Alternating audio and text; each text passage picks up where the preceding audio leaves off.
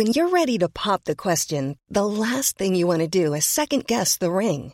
At Bluenile.com, you can design a one of a kind ring with the ease and convenience of shopping online. Choose your diamond and setting. When you find the one, you'll get it delivered right to your door. Go to Bluenile.com and use promo code LISTEN to get $50 off your purchase of $500 or more. That's code LISTEN at Bluenile.com for $50 off your purchase. Bluenile.com code LISTEN.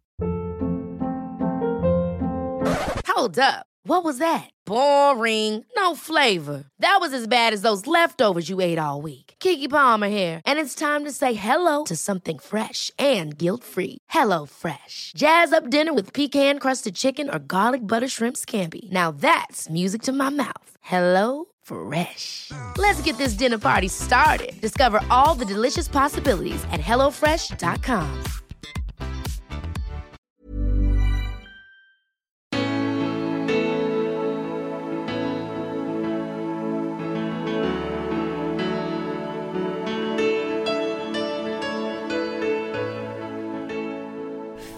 ja men ett tiotal år sedan när jag fridök som mest så insåg jag att um, jag, jag stoppades hela tiden för att dyka djupare. Och insåg att jag var rädd för att dö. Och det vart en uh, insikt. Och då uppkom en fråga i den insikten. Om jag är rädd för att dö, kan jag verkligen leva fullt ut? Och svaret på den frågan var nej. Eh, en, en lärare som brukar säga det. Det är bara två saker vi vet helt säkert i livet. Det är att vi kommer dö och vi måste betala skatt. Jag tror inte du kan sätta dig hemma och så här, nu ska jag tänka fram min passion. Och så funderar jag, ett, är jag passionerad över fotboll? Mm, nej. Är passionerad på tennis? Mm, nej. Eh, badminton? Ja, kanske. Alltså, alltså, du måste, jag tror inte passion är någonting som händer i huvudet, utan den där brinna. Jag tror att det är något, brinner du i ditt huvud för någonting eller brinner du liksom i, inne i bröstet? Ju lyckligare du är, desto djupare dyker du. Anneli Pompe har varit ner på 126 meter under havsytan utan syrgastuber och som tredje kvinnan i världen bestigit Mount Everest från nordsidan. Men vad är egentligen ett äventyr? För Anneli finns inga sådana jämförelser. Ditt äventyr till närmaste badsjö en tisdagsmorgon är precis lika mycket värd som hennes strapatser på Seven Summits. Vad försiggår i hennes huvud? Hur förhåller hon sig till rädslor och hur gör man upp med döden? Varför var hon på tystnadsretreat i tio dagar fast hon höll på att bli galen redan efter två? Vad är frihet egentligen och vad kostar friheten? Och hur hittar du din passion? Det och mycket annat diskuterar jag tillsammans med en av Sveriges främsta äventyrare. Nu rullar vi! Eh, professionell äventyrare, föreläsare, personlig tränare, coach och instruktör inom yoga, bergsklättrare, fridykare, författare och fotograf Anneli Pompe. Välkommen till podden Spännande möten. Tack så mycket. Du, det, det har varit nästan så jag tappade andan den här långa presentationen. Ja, det var nästan så jag hade glömt bort hälften av dem själv. du, du kanske skulle gjort det som är expert på att hålla andan? Ja, precis. Eh, kanske räkna upp alla yrken jag har på en inandning eller en utandning. ja, just det. Hur länge kan du hålla andan? Sex minuter som längst. Sex minuter? Mm. Vet du vad svenska rekordet är? Mm, för herrar, det var slogs nyligen. Åtta någonting är det nu va? Åtta tolv kanske? 8, jag var tvungen att, att, slå upp det. Ja. Det var faktiskt en herre som heter Valdemar Karlsson Just som det. den 15 februari eh, I under, år, ja. under en tävling i Lundbybadet. Han, han höll andan i nio minuter och två sekunder. Nio minuter, så pass? Ja. Mm. Men det, där står det att han tävlar någonting i statisk apnea. En mm. tävlingsgren inom fridykning. Precis, är det, det? det är stillaliggande andhållning, kallas för statisk apnea. Och det är ju lite konstigt, det är, det är ju ingen, det är ju en sport, men ändå inte. Alltså du ligger still och håller andan, huvudet neråt i en pool. Och det är ju bara ett mentalt spel egentligen. Visst har det med fysiologi och sånt att göra, men det är oerhört tuff sport. Ja, om, man nu, om man nu vill kalla det sport. Men jag tror världsrekordet för män ligger på 12 någonting. Och för kvinnor så är det 8 någonting. Men se där har jag uppdaterat mig också. Ja, ja. vad bra! Då kanske jag får lära faktiskt, mig. Ja, det är ja. faktiskt en kille som heter David Blaine. Som 2008 slog världsrekordet i att hålla andan under vattnet. Han gjorde det eh, i en show hos Oprah Winfrey. Mm. Och då var rekordtiden 17 minuter och 4,04 sekunder. Ja, men han andades syrgas innan. Ah, Så det är inget han fuskar! Ja, nej, det är väl ett sånt där showrekord liksom. Ah. Ehm, men, och han tränade innan, gjorde han. Han tränar i liksom andhållning. Ja. Men om man andas syrgas innan, ren Ja. syrgas, så börjar det med mer syre i blodet och lägre är koldioxid. klart. så då kan du hålla andan mycket längre. Men du, vad är, vad är skillnaden mellan att ligga i vattnet och hålla andan eller att sitta som du och jag gör vid ett Ju bord mer här? avslappnad du är, ju mer syre sparar du. Så det är ju mycket bättre att vara nästan viktlös, vilket man är i vatten. Då kan du ju bara flyta omkring, du behöver inte anstränga en enda muskel, du bara ligger där. Och sen när du har vatten på ansiktet så blir din dykrespons mycket starkare. Så då Okej. kommer du spara mer på syret också. Så du kan oftast hålla andan mycket längre i vatten än på land.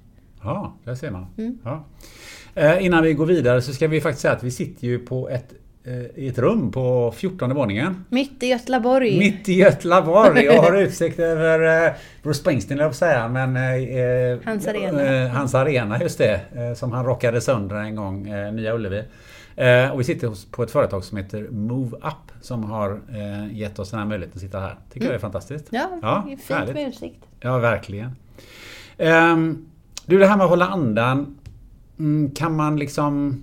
Kan man som normalbegåvad, säga, kan man liksom lära sig det? Och, och, för jag har testat så här, och om en, minut, sen är jag ju alldeles... Sen, sen mår jag illa. Ja, jag ska säga ehm, när jag har kurser i fridykning så lär sig alla hålla andan mellan två och fem minuter på ungefär en halvtimmes träning.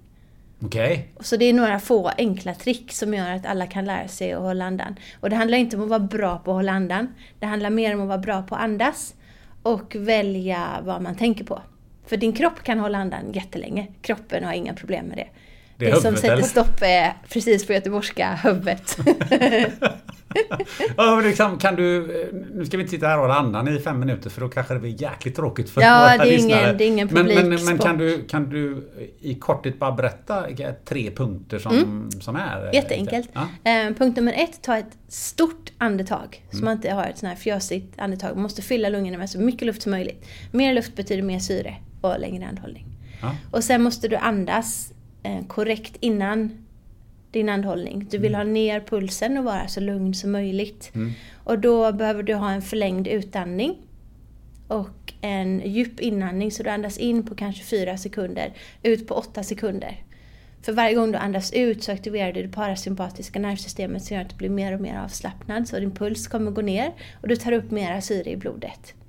Och du blir också mer avslappnad och ju mer avslappnad du är, ju längre kan du hålla andan. Och eh, punkt nummer tre är att tänka på någonting som gör dig lugn.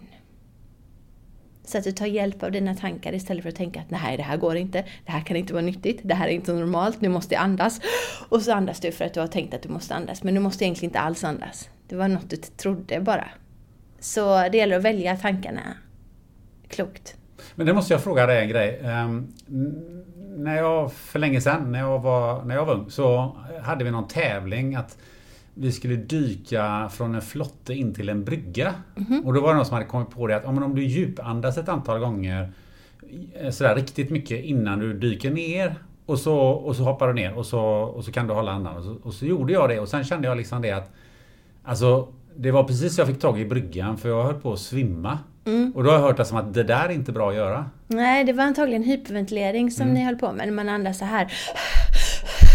Ja precis, vad händer Ja, då? då andas du ut för mycket koldioxid. Och nu blir det väldigt eh, fysiologiskt, Ja, men, men nu ändrar du pH-balansen i blodet. Eh, och dessutom så håller då blodet håller tag i syret för att, istället för att släppa ut det i vävnaderna. Så att då får du väldigt snabbt syrebrist istället. Mm. Så eh, jag vet inte för er som har sett Det stora blå kanske för länge sedan. Om ni minns japanen. Eh, han satt ju och körde sina speciella andningstekniker, vilket var hyperventilering. Och han hyperventilerade så att han svimmade innan sitt dyk. Så de det japanska teamet fick ju springa iväg med honom snabbt som attan. Han dök aldrig utan han, han andades sig in i en svimning istället. Och det kan man göra. Och det där är ju, det där är ju farligt.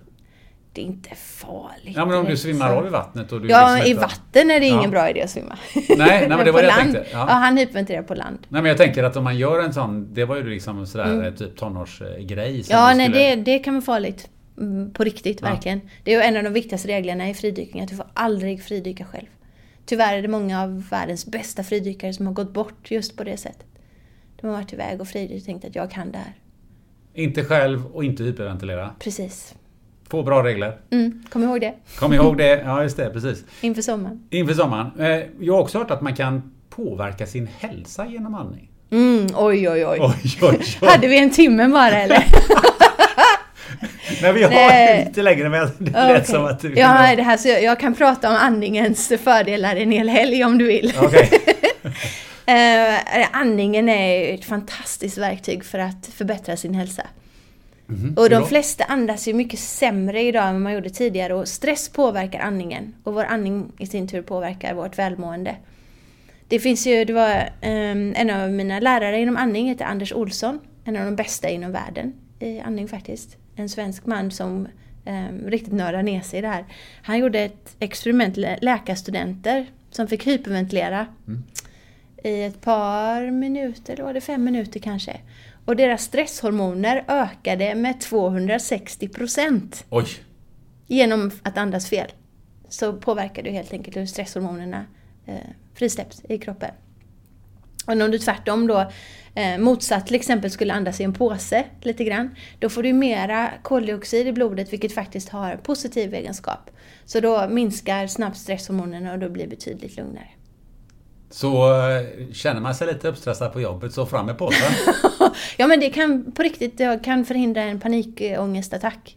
För det börjar oftast med att man börjar hyperventilera och då så får du mer och mer panik. När det helt enkelt gäller att ta ett, det kan vara svårt när du är i den situationen såklart, men kunna ta ett, ett djupt andetag, nästan hålla andan och framförallt få en förlängd och en, en förlängd utandning. För då blir oftast inandningen djupare också. Och det är utandningen som aktiverar parasympatiska nervsystemet som gör att du blir lugnare. Men eh, kan man säga så här att det är bra att då och då mm, hålla andan?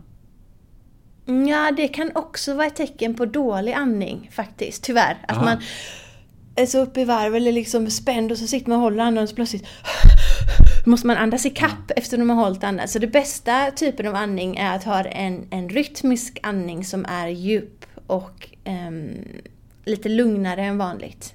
Det, det, kanske optimala andningen är 8-10 andetag i minuten. Men alltså jag tänker med att man på, med berått mod då och då håller andan. Är det bra? Ja, som träningsform absolut. Om du bestämmer dig för att ja, nu ska jag träna eh, min, eh, mina lungor och jag vill träna min, min hälsa helt enkelt. Då absolut jättenyttigt att hålla andan. Man får faktiskt mer röda blodkärl eh, i hjärnan så du får bättre syresättning.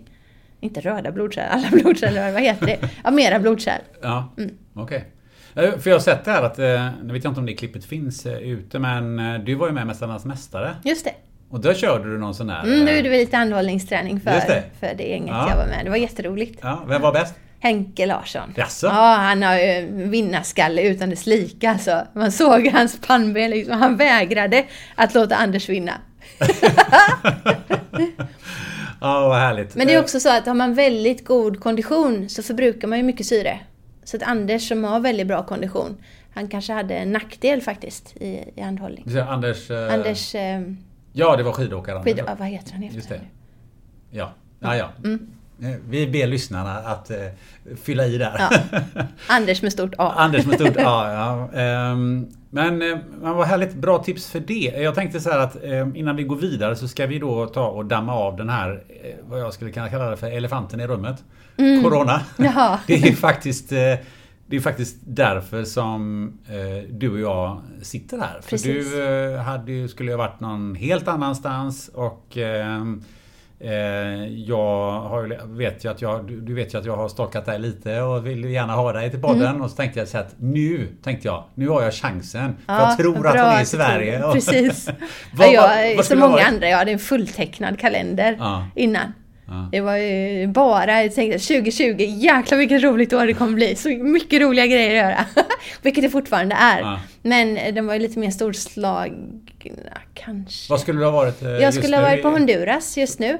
Så här, är Och, just nu eh, pratar vi eh, då mitten på maj är vi nu. Precis, och kanske närmat mig riktigt stora fridykningsdjup och gjort mig redo Mm. att tävla. Om två veckor ska jag tävla till fridykning. Ja, okej. Men hur känns det att eh, du är tvungen att avbryta allt sånt? Vad är, vad är liksom det värsta för dig med det? Mm, nej, det är ju ingenting faktiskt. Det är, Nej, helt, det är du- helt lugnt. jag är liksom- helt lugn. Jag var besviken i mm, halv dag, dag kanske. Sen Ja. bara, ja, nej, det får jag göra något annat istället. Det är go with the flow. Ja. Så jag är, nej, det är slöseri med tid och gräma sig över sånt som inte kan hända. Men, det finns ju, men det finns ju en ekonomisk aspekt på det här. För menar, du kanske skulle ha varit föreläst och gjort lite andra Ja, nej, nej, jag skulle bara varit iväg och tävlat faktiskt. Men Okej. alla, i april skulle jag föreläst jättemycket. Mm. Och eh, mycket föreläsningar även i juni och allt är ju inställt såklart. Mm. Men jag har valt att inte oroa mig för det heller. Det, Bra val. Ja. ja. För vad ska, du, vad Nej, ska det är ju helt onödigt. Det, det enda jag kan göra är ju ehm, dra in på kostnader och sådär. Och det, är- det är lätt gjort. Jag Mm. lever gärna enkelt och, och billigt. Mm. Nu har vi gjort lite som eh, eh, jag tror Astrid Lindgren och hennes eh, vänner gjorde. De Mm. hade en annan grej som de eh, ofta hamnade i och pratade om, precis som vi pratar om Corona nu. Eh, så fort man träffar någon Mm. så pratar de om döden. Ja, så de satte sig, när de satte sig runt eh, kaffebordet så, Mm. så började de med att säga döden. Döden, döden, döden, döden, döden. Sen har de pratat färdigt om det. okej. Så det är kanske är ett bra trix. Ja, vet jag? ja, vad vet jag? precis. Ja. Du, eh, nu skiter vi där eh, med Corona okej. och går till någonting mycket väsentligare. Eh, det här med att vara professionell äventyrare som jag är en utav den här långa upp, uppräkningen som jag gjorde. Mm. Eh, mm, alltså, har du haft, haft något annat jobb än att vara professionell äventyrare? Hmm. Jag vet inte. Jo men det är klart jag har. Jag, kunde inte, jag har inte levt på det hela tiden. Jag vet inte när man blir kallad egentligen. Eh, om det var när jag började få sponsorer. Eller när jag började jobba som guide eller... De flesta blir ju kallade äventyrare så fort de gör någonting som har med berg att göra. Mm. Men idag blir man kallad äventyrare om man är ute på någon liten expedition eller Mm. sådär. Så det är ingen tid, det är inget liksom man måste göra precis för att kunna kalla sig det. Jag vill ju aldrig bli äventyrare, det har aldrig liksom varit något mål för mig. Jag ville bara se hur djupt jag kunde dyka och så ville jag bestiga Mount Everest och sen har det bara rullat på. Och sen upptäckte jag längs vägen att det roligaste det är ju att mm, utsätta, får jag nog välja det ordet, utsätta andra människor för äventyr och se dem växa och lära sig saker. Och mi, hela det största äventyret alltid varit för mig, det är det som händer på insidan. Alltså det är psykologin och det som är bakom äventyren och bakom eh, människor som gör äventyr. Det tycker jag är mest fascinerande. Vad händer? Har du några exempel? Oj. Åh, Eller kan du händer? beskriva det här? Nej, det är det. Alltså som på fridykningskurser till exempel. Fridykning är ju väldigt mycket ett inre äventyr. För du kan inte gömma dig när du fridyker, du möter dig själv. Det är lite som att meditera, det är att möta sig själv. Och fridykning är liksom en, eh, en täckmantel för det kan man säga. Okej. Plus att du lär dig jättemycket om din kropp, du Ja. lär dig om havet, du, det blir en, du upptäcker en helt ny värld när du börjar fridyka, som är fantastisk. Och du upptäcker hur dina tankar påverkar din prestation, din kropp, din, din inställning, ditt sätt att se på världen. Det, det blir väldigt stort. Och jag har sett många människor som kommer till fridykningskurs och tänker jag ska lära mig en cool sport här. Nu kanske jag avslöjar saker jag inte borde säga. Men vill så vi tror jag, ja, jag ska komma till en cool sport här och så märker de att oj wow, det här var mycket djupare, mycket mer än jag någonsin föreställt mig. Mm. Att det liksom finns en helt annan dimension som man möter när man märker hur det inre påverkar hur vi upplever världen och oss själva. Mm, Är det just att man kommer under vattnet? Eller Nej, jag tror det... att det är, men du är så otroligt utsatt på något sätt. Det är helt knäpptyst. Du, du har uppenbarligen ingen mobiltelefon med dig. Det finns Nej. ingen att prata med, det finns ingenstans att fly. Så du blir liksom direkt utsatt för det enda du hör är dina egna hjärtslag och det du tänker. Och annars så tror jag inte att människan kanske hör sina tankar så ofta, men inte så att man är fullt medveten om dem i alla fall. Mm, spännande. Mm. Nu, jag tänkte på det här med... Eh, Du tänkte? Ja. Att, nu tänkte jag. Ja. Ja, man kan använda tankar till bra saker, något som att tankar bara är dåliga saker. Men så länge man, inte, så länge man är medveten om vad man tänker på, Aha. hur det påverkar en, så tror jag att det är nyttigt. Ja, och just nu påverkar det mig till att, Till säga, att- ja. säga det här med professionell äventyrare. Just det. Ehm, jag gjorde en reflektion när jag eh, 1985 åkte Transsibiriska järnvägen till eh, Kina. som ju då precis hade öppnat så att man kunde åka in i Kina. Oj, spännande. Ja, det var väldigt spännande. Men då blev man kallad äventyrare. Mm, det förstår jag. Det, idag hade man ju inte blivit kallad äventyrare Nej, det, åka- det finns ju inte så vansinnigt mycket som inte redan är gjort. Nej, eller hur? Va? Mm, och ställen som är öppnade och ställen man aldrig varit på. Och det är lite synd, men det finns ändå inget... Man kan inte riktigt jämföra äventyr. Det är det, din upplevelse, om det är stort eller litet, det kan du inte jämföra med någon annans upplevelse av någonting. Och det kan jag tycka är sorgligt. Ibland kommer människor fram efter föreläsningar och säger att ja, det är ingenting mot vad du har gjort, men jag besteg Kebnekaise en gång och det var fantastiskt. Bara, Men det är visst! Säg inte så. Det är, Nej. alla upplevelser räknas liksom. Man kan inte jämföra att det du har gjort är större än det jag har gjort. Det tycker jag inte går att jämföra. Jämför vi för mycket med varandra? Ja, saker och ting? det tycker jag absolut. Ja. Vad är det? Sociala medier och överallt annars? Ja, jag tror bara att det framkallar känslor av kanske mindre värde eller att man behöver göra ännu mer för att räknas. Eller jag vet inte. Men man tänker på barn då? Alltså för barn måste det ju vara så att när, när man är jätteliten så blir det ett äventyr att eh, bara ta sig upp för, eh, på, på stolen. Ja visst, och de tänker ju inte ens jämförelse. De är ju... Tror jag inte i alla fall. Det är de vuxna som jämför. Ja, men Ja, mitt barn precis. står redan. Ja. Det gör inte ditt. Eller? Exakt. vad, vad kan du minnas utav eh, som du kände var äventyr när du var barn? Åh, alltså allt! Det var ju eh, tidiga morgnar så brukade jag, innan mina föräldrar hade vaknat, så brukade jag tydligen gå in i min lillebrors rum, lyfta upp honom ur sin spjälsäng och så gick vi ut på äventyr i, i trädgården och i grannarnas trädgård. För grannarna hade sån här meterhögt gräs i en del av sin trädgård. Och där brukade vi krypa omkring med mantlar, så ni vet såna här superhjältemantlar på ryggen och leka fantasilekar. Och sen kom väl mamma och pappa ut någon gång och hittade oss på morgonen och så var det dags för frukost.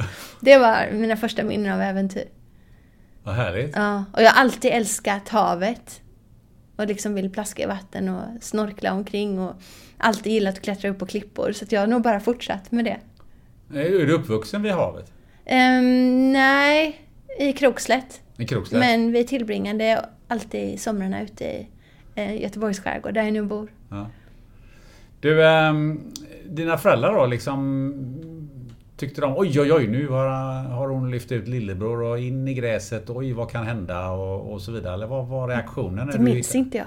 Jag tror Eller, inte jag eh, tänkte du- på men Jag kan tänka mig att reaktion. de måste ha skrikit om du klättrar upp ett högt träd eller för branta berg eller något sånt där. Eller har de liksom... vad Ja, hade ja, de för men, nej, jo, mamma är- är orolig av sig. Ja. Eh, Så hon, alltid när jag säger att ja, men nu har jag tänkt åka till Antarktis här, så mammas standardreaktion är det tycker jag inte är någon bra idé. Men- hon vet ju att jag är ingen adrenalinjunkie. Det finns ju kicksökare inom äventyrsbranschen och jag är ju ingen sån. Jag är där för att jag älskar naturupplevelsen och för att jag är nyfiken på vad som händer i gruppen jag är med i och uppleva nya ställen helt enkelt. Men adrenalinkick har aldrig varit min grej. Jag gillar inte när det går fort. Jag gillar inte när det är liksom ska verka extremt.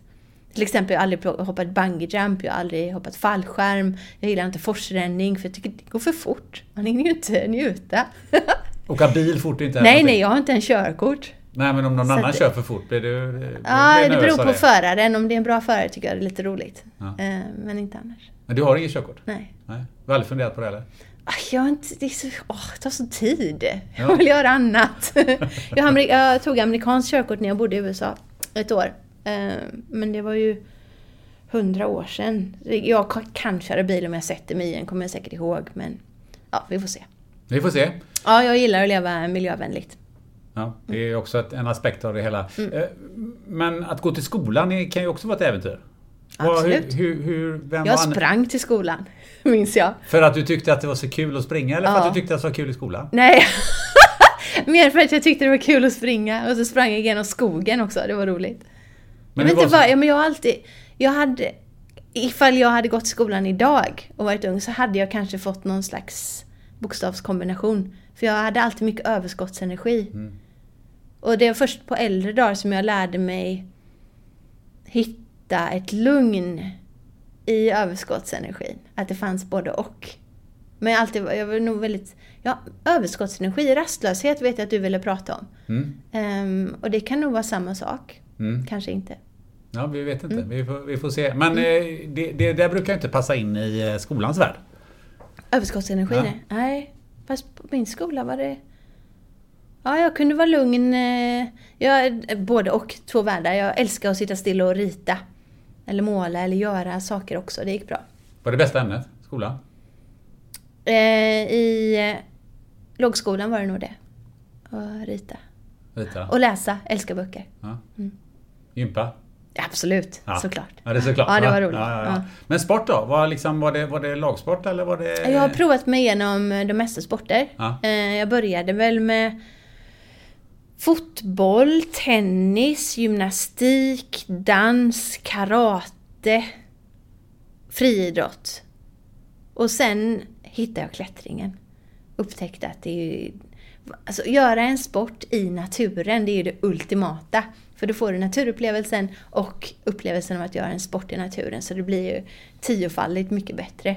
Jag har alltid känt mig instängd på arenor och sporthallar. Luktar illa gör det och så. Äh, nej, jag gillar att vara utomhus. Ja, synnerligen förr. Ja, precis. det riktigt illa Ja, det gjorde det verkligen. Men i den här uppräkningen så hör jag... Jag hör individuella sporter förutom fotboll. Mm. Är det det? Nej, alltså jag skulle säga att ingen sport är egentligen indiv- individuell förutom kanske dans. Nej, det är alltid med andra människor inblandade. När tennis så har du en motståndare så blir det en slags relation till motståndaren. I klättring gör du absolut inte själv. Du lägger ditt liv i den andra klätterkompisens händer, mer eller mindre, som håller i repet. Fridykning får du inte göra själv. Så det är alltid en slags lagsport, som jag ser det. Men hur betecknar du dig själv? Som en, en, en teammänniska eller som en individualist? Jag kan vara både och. Du kan vara både och? Du glider in i olika... Mm, båda går, det går bra. Bra. Hur- Kan du vara, hur trivs du med dig själv när du är själv? Alldeles utmärkt. Alldeles Jag utmärkt. skulle kunna leva som eremit. Du tror det? Ja, då, absolut. Fast om jag fick ha Douglas med mig, min hund. Ja, just det. Ja. Precis. Eh, Där hörde jag någon, förklar, någon väldigt rolig förklaring på eh, varför han heter Douglas. Nej, det är ett väldigt fint namn, Douglas. Men Ja. sen är det ju inte, det är Douglas utan U. Ja. Douglas. Ja. Ja. Är det, Det är lite det är från Göteborgs... Göteborg, ja, lite Göteborgshumor är det. Ja, hade, hade det varit en tik så hade hon hetat Selma med Ä. Förhoppningsvis varit ganska sällik. Mm, ja. Det är en vattenhund såklart. Ja, ja, ja. Underbart. Ja. Eh, är det någon som inte vet vad ens hund eller katt eller någonting ska heta som man precis har fått, då kan man kontakta dig? Då kommer du på ett bra namn. Det är inte, nej, det tror jag inte. Eh, vi skiter i det, men jag tänkte bara det här med rädslor. Eh, för att eh, du sa att din mamma är, är liksom som alltid är lite rädd eller... Men det eller, hör nog till att vara mamma, tror jag. det hör till? Ja, Ja. man ska, klart man ska vara orolig. ja. Det är, eller det hör till alla människor, tror jag. Hjärnan är gjord för att vara orolig och se upp för faror. Och, Men vad var hon rädd för? Var hon rädd för att du skulle göra det illa eller vad, vad eh, hon ja, var antagligen att det skulle hända någonting.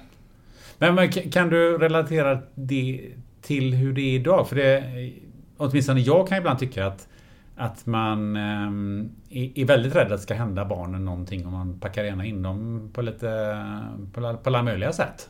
Hjälmar och, och, och, och, sådär.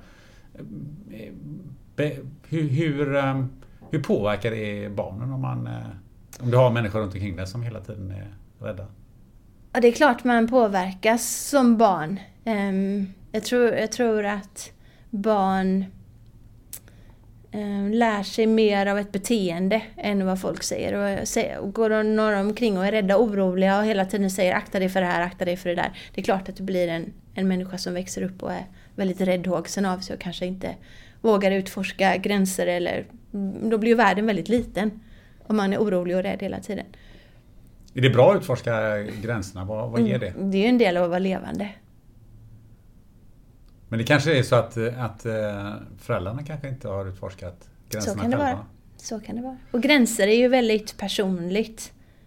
Ehm, vad som är en gräns, det kan ju vara, för vissa är det en jättegräns att åka spårvagn eller buss eller prata med en främling eller...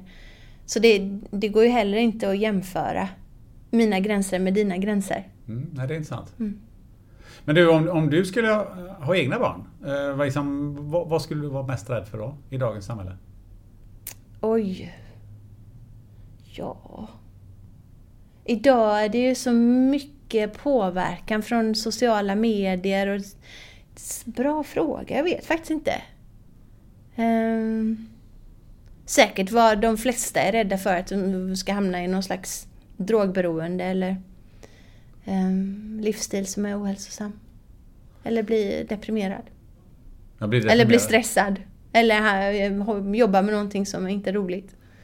Det, finns, det, många, det finns många faror. Ja, men jag tycker det är intressant att du säger det för, för de flesta skulle kanske ha svarat att eh, Ja, men om, om de åker in till centrala Göteborg och råkar ut för någonting eller något mm. sånt där. Men du, du ser det mer liksom som att de kan till exempel få ett jobb som är, som du säger, som, som man inte trivs med. Ja. Eller som och vilket är ganska troligt. Är det ganska troligt? Ja. Hur menar du då? Vad är det, finns det statistik på det? 80% av människor gillar inte sina jobb. Nej. det är ju fruktansvärd statistik. Ja. Och det är det vad du jobbar med. Det är vad du gör större delen av dagen. Men det där är ju intressant. Vad, hur, hur tar man sig ur det? Ja, det är ju en fråga om inställning. Antingen så bestämmer du dig för att faktiskt gilla ditt jobb och göra ditt bästa och tycka att det är roligt. Eller så gör du något annat. Mm, men det kan ju vara svårt. Om man bestämmer sig för att det är svårt. Ja, men om du säger så här att du sitter i en situation där du där du, eh, om du sitter, många sitter ju i en ekonomisk situation. Och, mm, och, som de har försatt sig Ja, men, eh, men många gånger så har man ju liksom då, man ska ha ett hus och man har barn och man kanske, det går inte bara liksom att, ja men nu skiter vi där. Det är klart man inte kan göra det. Men då får man ju ändra lite i taget så att, ja. tills det funkar. Eller ja. vänta eller... Men det här med rädsla, att, att eh, det finns ju någonting som, som du säger att det, att det hindrar en och att det att det begränsar en i, i, livet. Och du har ju liksom stretchat det ganska långt i alla fall om man ser det ur, om, ur något sorts allmänt perspektiv. Mm. Eh, både, på, både i djupet och i bergen. Eh, men jag intervjuade mm, för något år sedan en tjej som heter Annie Seal. Jag vet inte om hon är bekant för det. Hon har ju... Ja, eh, hon, eh, vad är hon racerförare? Ja, hon har ju eh, kört Paris-Dakar och, och massa andra eh, extrem, får man nog säga, extremrallytävlingar mm. med motorcykel mm. genom öknen. Och hon har ju en, en devis som säger Jag leker inte med döden, jag leker med livet. Ja, fint. Mm. Hur, hur, hur relaterar ja, men Det kan jag absolut relatera till. Det, och det har ju ofta att göra med att de som tycker det som jag och hon gör verkar farligt, de vet ingenting om det vi gör. Man tycker ofta sånt som man inte kan någonting om, det verkar ju farligt. Men du menar att det är inte, det är inte så farligt? Nej, absolut inte. Hon, är, är, hon är ju superduktig, så det, för henne är det ju inte särskilt farligt. Det är lite där man sätter relation till hur duktig man är. Ja, dels det och sen hur väl, vad du kan om det du håller på med. Eh, om en nybörjare skulle få för sig att bestiga berg och inte kan någonting, då är det jättefarligt. För då har man inte liksom vant sig och du vet inte vilka faror som, som finns. Men ju mer du vet om någonting, ju mindre farligt är det. Men vad är du rädd för själv? Hmm. Inte så mycket längre. Jag har varit rädd för väldigt många saker men nu så är det så väl, jag har umgått så mycket med rädsla så det är liksom, det är en så naturlig del. Så det är inte, rädsla för mig är inget farligt.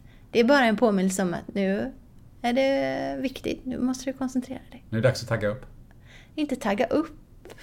För då kan man bli så här överspänd liksom. Mm. Utan mer fokuserad.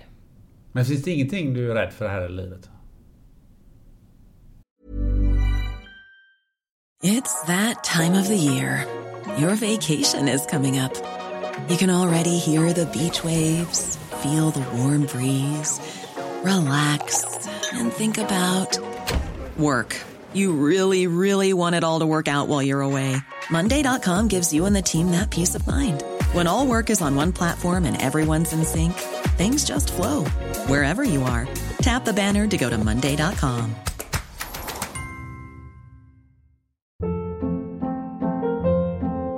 Hold up. What was that? Boring. No flavor. That was as bad as those leftovers you ate all week. Kiki Palmer here, and it's time to say hello to something fresh and guilt-free. Hello Fresh. Jazz up dinner with pecan-crusted chicken or garlic butter shrimp scampi. Now that's music to my mouth. Hello Fresh. Let's get this dinner party started. Discover all the delicious possibilities at hellofresh.com. Many of us have those stubborn pounds that seem impossible to lose, no matter how good we eat or how hard we work out. My solution is PlushCare. PlushCare is a leading telehealth provider with doctors who are there for you day and night to partner with you in your weight loss journey. They can prescribe FDA-approved weight loss medications like Wagovi and Zepbound for those who qualify. Plus, they accept most insurance plans. To get started, visit plushcare.com slash weight loss. That's plushcare.com slash weight loss. Eh, hade vi suttit här för några år sedan så hade jag radat upp en massa saker men nu... Hmm. Men jag, jag har sett att du är rädd för en grej Ja, i en intervju. berätta. Ja, men du är rädd för att ligga på din dödsbädd och säga att du inte har gjort det du ville. Ja, men det är jag inte rädd för längre. Nej. har, du, har du gjort det du ville nu? Ja, ja. Om jag fick reda på att ja, men Anneli, du kommer dö im- imorgon. Så sa jag, ja, ja, okej. Ja, jag har gjort mycket. Eh, haft ett fantastiskt liv. Det är okej. Det är okej. Ja. Men hur har du kommit fram till det? Det måste du berätta. Vadå, har jag kommit fram till det? Ja men det är Ah. ganska, det är, det är en, det är en ståndpunkt jag- som jag, jag- tror eh, det är väldigt få människor som Jaså? har. Så, ja men Alltså, som jag- dagen efter så säger ja men du ska dö imorgon. Ja, vadå då? Ja. Ja, men jag är inte rädd för döden. Nej, Är jag inte. du är inte rädd för döden? Nej. Nej. Hur, hur blir man inte rädd för döden? Ehm, det här, jag tror att det är någonting som har uppkommit genom åratal av meditation. Faktiskt. Att... Hmm. Det är, det är så självklart att det, det, döden är något som kommer hända alla. Varför gå omkring och vara rädd för det? Ja men det är ju läskigt. Varför då? Ja men det är, jag tycker det är skitäckligt. Vad är det som är äckligt? Ja men alltså jag, jag kan inte säga att jag har dödsångest men, men och jag har ju träffat människor som absolut är skiträdda för att dö som är alltså väldigt mycket yngre än vad jag är. Men Eh. va- jag, jag undrar där om är det rädslan för... ehm, Ja, men partyt är över. Men det vet man ju inte. Eller jag, jag tror att rädslan för att dö är rädslan för smärta. Och kanske att någon del av, av det som är jag kommer försvinna. Men jag tror inte att jag kommer försvinna. Okej, och vad händer då? Mm, det blir en del av allting annat igen.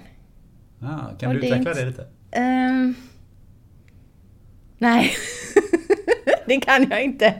Ja, men så det, ibland tänker jag så här att eh, ja, men är, det, är det ett sätt att hantera döden som du, som du säger? Det finns många andra sätt att hantera döden. Alltså människor tror om livet efter eller själavandring precis. eller, eller vad det nu är för någonting. All, all gudstro bygger ju på någonting. Det är ju någonstans i botten för att man är man orkar inte ta in det här med döden för det är alldeles för jobbigt och så hittar man på ett sätt som, som gör att man, ja, man själen åker till himlen och där får man åka omkring på moln. Eller vad det nu än är. Det var ju många som har Ja, olika jag, jag förklaringar. tror att man... Jag valde för, kan det vara nu, kanske... Inte, ja, men ett tiotal år sedan när jag fridök som mest så insåg jag att ehm, jag, jag stoppades hela tiden för att dyka djupare. Och insåg att jag var rädd för att dö. Och det vart en eh, insikt. Och då uppkom en fråga i den insikten. Om jag är rädd för att dö, kan jag verkligen leva fullt ut? Och svaret på den frågan var nej. Och sen Sen tränar bestämde jag mig för att nej, jag ska inte vara rädd för att dö. Okej. Mm. För det är som att, att leva hela livet men du, du har handbromsen på. Du ligger hela tiden och bromsar lite grann. För att det finns en rädsla som är så pass stor som ligger där bakom. Och det är ju det, är ju det enda vi vet helt säkert. Eh, En, en lärare som brukar säga det. Det är bara två saker vi vet helt säkert i livet. Det är att vi kommer dö och vi måste betala skatt. och de grejerna går ju inte att ändra på. Men skatteflykt har jag hört talas om, men dödsflykt har jag aldrig. Ja men dödsflykt kan säga att sluta vara rädd för den. Ja. Och det tror jag att du, du har ett val. Du föds inte med dödsrädsla, det är något du lär dig på vägen. Jag vet inte vem som har lärt dig det. ja men det är, väl, det är väl inte så konstigt. Det är ju, det är ju hela ens uppväxt och ens Ja men det samhället kanske är någon vidare. slags egogrej liksom. Du är rädd att det som är du ska försvinna. Vad, är det, vad är det som försvinner? Nej men jag tycker bara att det, det är så jäkla kul så jag vill fortsätta ha kul. Jag vill inte Ja, att någon ja bara det är liksom- jag med på. Alltså, liksom, det, är ju, det är ju samma med mig. Jag vill ju heller inte att det ska ta slut för det finns väldigt mycket mer roligt att Ja. göra. Eh, Men samtidigt så är jag inte rädd för slutet. Jag tror man kan leva båda dem på en gång och jag tror att du kan leva bättre om du inte är rädd för det. Ja, för, för jag tror ju att eh, ja, men döden är som den är och det är inte någon, Det blir ingen själavandring eller något sånt där. Det är, det är ju bara rullgardinen rätt ner så det är svart. Mm. Kallsvart. Så. Det är precis som att du blir sövd på, på en... eh, Ja men du ska in på en operation. Mm. Har, Det du, blir har det kolsvart. blivit det? Ja, flera gånger. Ja. Det blir bara kolsvart. Mm. Grejen är att man vaknar upp igen. Mm. Jag undrar om det kan ha något med kontrollbehov att göra. Att du liksom, det är den ultimata släppa kontrollen. Ja, det kan vara så. Det det. Men du, eh, för man pratar ju alltid om att du har varit nära att dö när du gjorde ett eh, världsrekordförsök. Men Och det du stämmer säger, inte. Nej, och du Nej. säger bara att du svimmade bara. Men, Mm. men jag vet ju att du har ju egentligen gjort ett dyk som var betydligt mycket värre. Som jag har hört att du berättat om i Gullmarn. Ja, ja, jag fastnade jag, Ja. i mörkret där nere. Ja, kan du berätta lite om det? Ehm, Det var eh, i träningen för ett 100 meters dyk. Eh, Och ingen annan hade gjort 100 meter innan så det var, väldigt, det var ett stort dyk. Eh, Och Gullmarn, Gullmarsfjorden vid Lysekil, den är, det är mörkt. Är det. Så det börjar- askallt? Och kallt också. Ja, det börjar bli väldigt mörkt vid 50-60. Sen är det becksvart. Och det är på botten på 100, från 70 till 100 kanske det är bara 4 grader.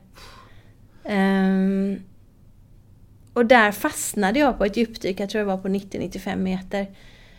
För nära, jag skulle göra en eh, disciplin som heter No Limit. Eh, när man dyker ner med vikt. Och sen dyker man upp med en luftsäck. Lyftsäck, precis som i det stora blå. Men då hade den tvinnat sig runt repet längst ner. Och jag var fast där nere och ehm, fick lätt panik. Så jag lämnade den här lyftsäcken och började dra mig upp i armarna. Och då var jag övertygad om att jag skulle dö. Därför att jag hade varit där för länge, jag behövde andas, jag hade ingen livlina. Det var, det var mitt läskigaste dyk någonsin. Men jag kom ju upp till ytan igen. Du lyckas kontrollera dig själv där. För hade du fått panik där så hade väl syret tagit slut på nolltid? Ja, det kan vara så, det vet man inte riktigt. Att om man får väldigt mycket panik i vattnet så sparar man ännu mer syre. Det, finns, det finns fridykare som försöker dyka på det sättet, att de andas ut och dyker ner. Därför att då får kroppen en sån här panik så att man verkligen sparar på syret. Eh, och då fick jag mig också en tankeställare såklart, för då gick jag omkring sen efter det dyket och trodde att nu ska jag vara mer tacksam för att vara levande nu när jag varit... Var jag nära döden eller vad hände egentligen? Och det var ju bara en, en jag fick ju bara panik. Men eh, liksom var det dagen efter så var det bara ner i vattnet igen? Nej, jag fick lite en lungskada eh, efter det dyket så jag fick vila i någon vecka innan jag fick dyka igen. Men du vågade på det igen? Och, Ja, och Såklart. bara Men det var, då var det eh, stort sett omöjligt att dyka. Därför att våra hjärnor är gjorda för att vara rädda för döden. Och vara rädda för oro och vara, se upp för allting farligt. Så hjärnan tillät inte mig att dyka längre. Min kropp kan dyka jättedjupt men hjärnan var bara nej. Det här är hemskt, eh, jag hatar det, vill inte fridyka längre. Så då gav jag upp eh, ett tag. Ja, vad gjorde du då? Eller hur kom du tillbaka? Jag klättrade i berg istället. Och där stötte jag på en, um, oj, vad ska man säga, en buddhistmunk em, som rådde mig att åka på ett tystnadsretreat i tio dagar för att få ordning på eh, mina tankar.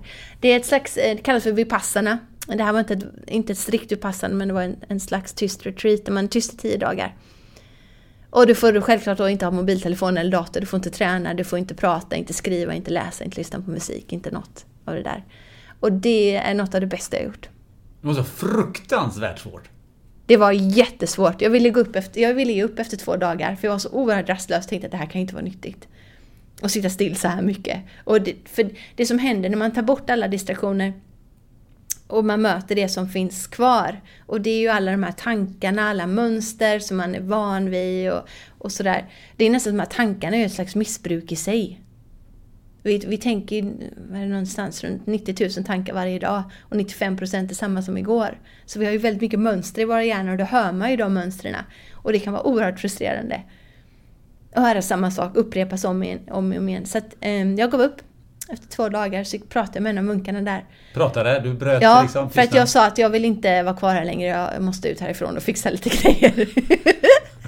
och den här munken, jag minns det, han tittade på mig och så log han och så sa han Ju mer du vill fly, ju mer måste du stanna. och jag, Okej. jag tänkte jäkla munk. det är lätt för honom att säga. Men eh, jag visste att han hade rätt. Jag behövde stanna. Och ibland är det så, när det är som jobbigast så behöver vi stanna. Och ibland när vi har det som jobbigast så behöver vi bara lämna det. Men då och där var det mest rätt att stanna. När kom liksom flippen över att du på något sätt säga att du kom över det här och tyckte att men det är rätt okej var Eller till och med Det tog var, eller? 6-7 dagar. Faktiskt, den första veckan var det jäkla kämpigt alltså. Och sen så... Där den sjunde dagen så hände det någonting i meditation. När jag hittade en plats inuti. Där det var helt stilla. Där det var så lugnt och det var fantastiskt. Och insåg att det, den där, den där bär jag alltid med mig. Och sen dess har jag alltid haft den här platsen inuti där det är lugnt och stilla. Så att jag har aldrig riktigt blivit stressad. För jag vet att jag har alltid det där med mig. Låter... Och meditationen har jag alltid, det har funnits med mig sedan jag var väldigt ung. Jag tror jag började när jag var 15 år. Mental träning. Eh, Lars-Erik Unestål började jag med då när jag tävlade i klättring. Och ett intresse för en österländsk filosofi. Men, alltså jag bara tänker, när jag tänker på detta så så här, var det inte oerhört tråkigt? Jo men, så det är, jo det är klart det är tråkigt för du är så van att ha underhållning och så plötsligt ska du sitta och blunda och vara tyst 10 timmar om dagen. Ehm, och du ska inte liksom underhållas av dina tankar eller göra planer eller tänka på det förflutna. Du får inte prata med dig själv heller. Mm, Nej, det får man ju inte. Men det händer. Jag pratade med en groda någon gång. Man ska ju städa och så satt en stor groda på toaletten så jag började prata med, eller viska lite med grodan. Man får inte störa de andra också såklart. Fick, du, fick du något svar?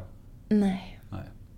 Nej. Han Nej, var, han men- man har ju-. Såklart. Man har ju svaren har man ju inom sig och det är det som händer när du tar bort allting. Att du kan börja lyssna på det du har inom dig. Inte tankar som kanske kommer från andra människor eller um, idéer om hur det borde vara. Men om vi dyker tillbaka eh, till vattnet, för det är någonting Mm. som jag är lite sugen på att eh, få veta. För du gjorde ju sen då ett, ett dyk som, där du slog världsrekord. Mm. Och det var eh, några år efter det här. Ja. Mm. 126 meter. Eh, är bara by the way, är det fortfarande världsrekordet? Nej, det blir slaget. Nu är det 130 meter. 130 meter. Mm.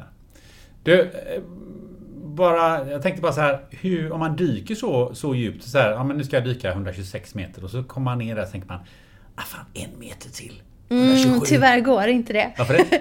för att du, när du bestämmer dig för att slå ett rekord eller om du ställer upp i en fridykningstävling så är repet utmätt varje meter.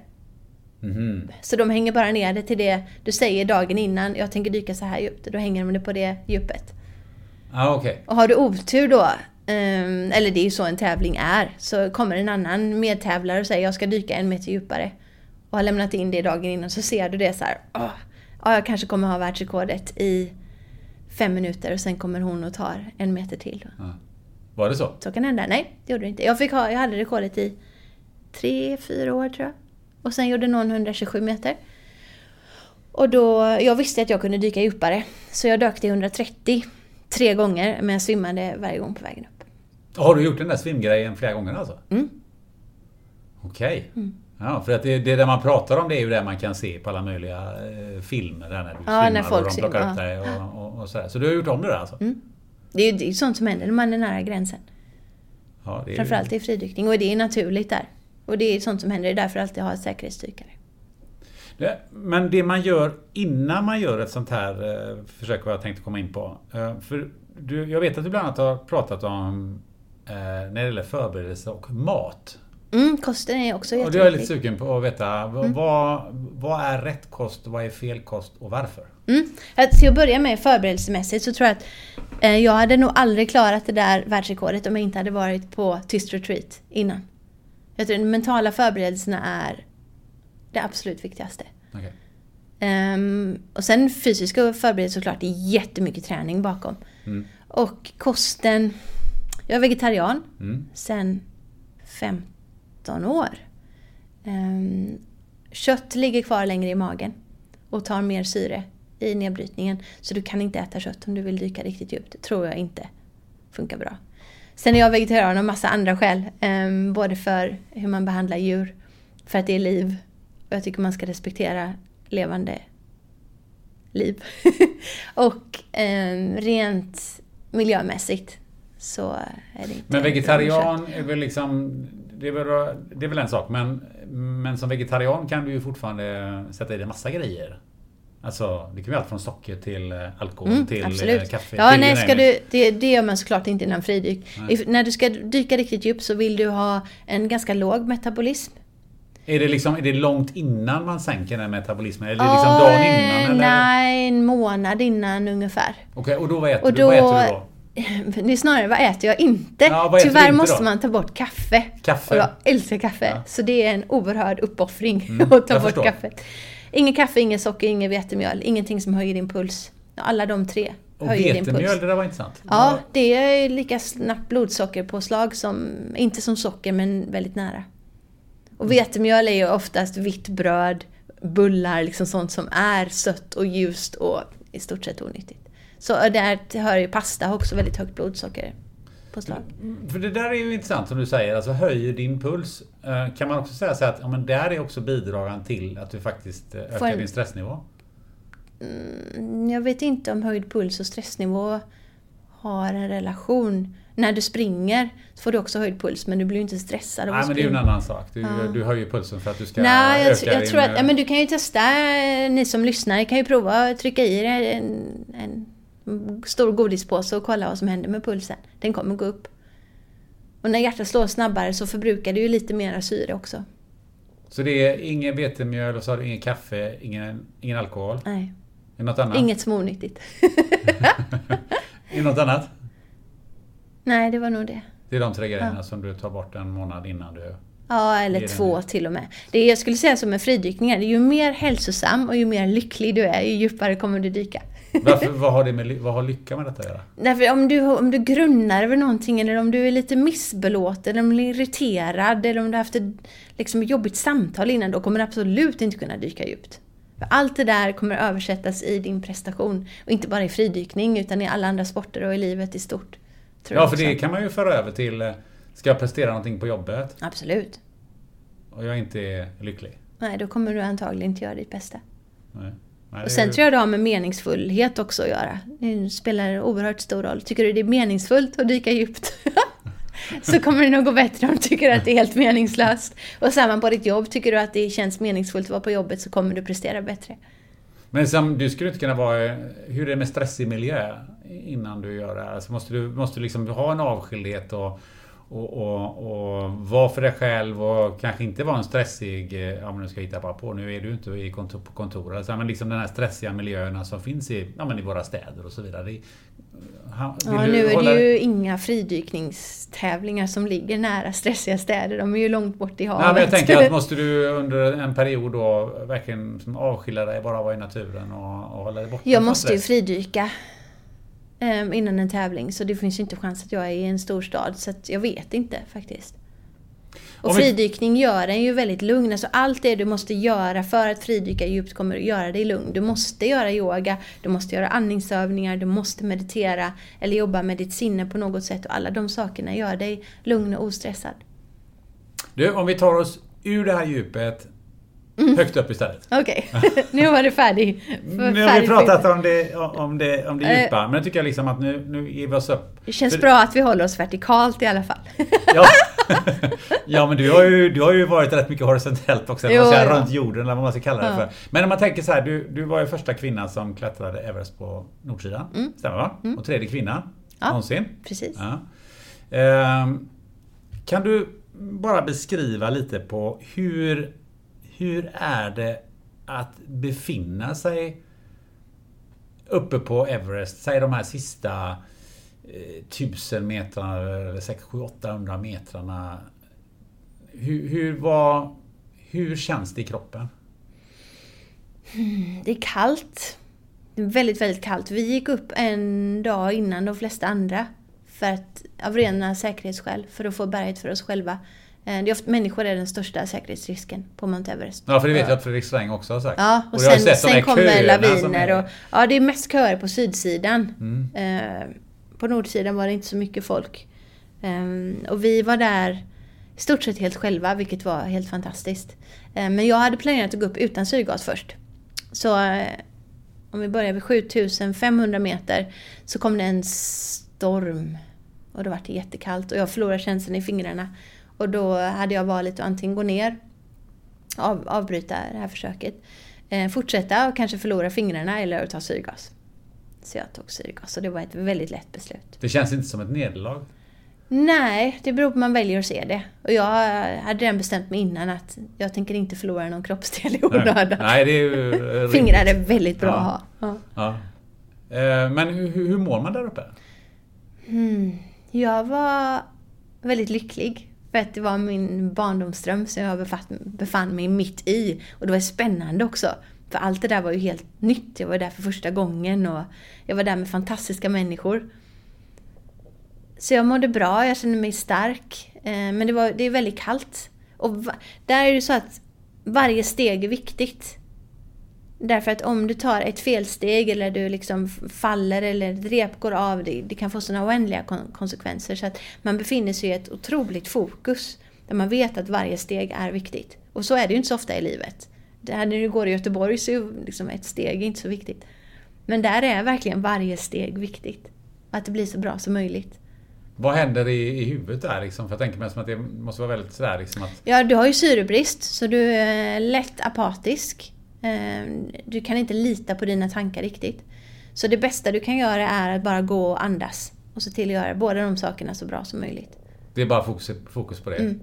Det finns Och så inga andra kan titta på utsikten lite grann också. Ja, Ja. och njuta lite. Precis. Ja. Men vad, vad, vad äter och dricker man då? Ehm, där uppe så kan ju inte kroppen processa komplicerad mat. Så är det så enkelt som möjligt. Där är det tvärt emot fridykning. Socker, så mycket socker som möjligt. Så um, vitt ris åt vi och lite kex.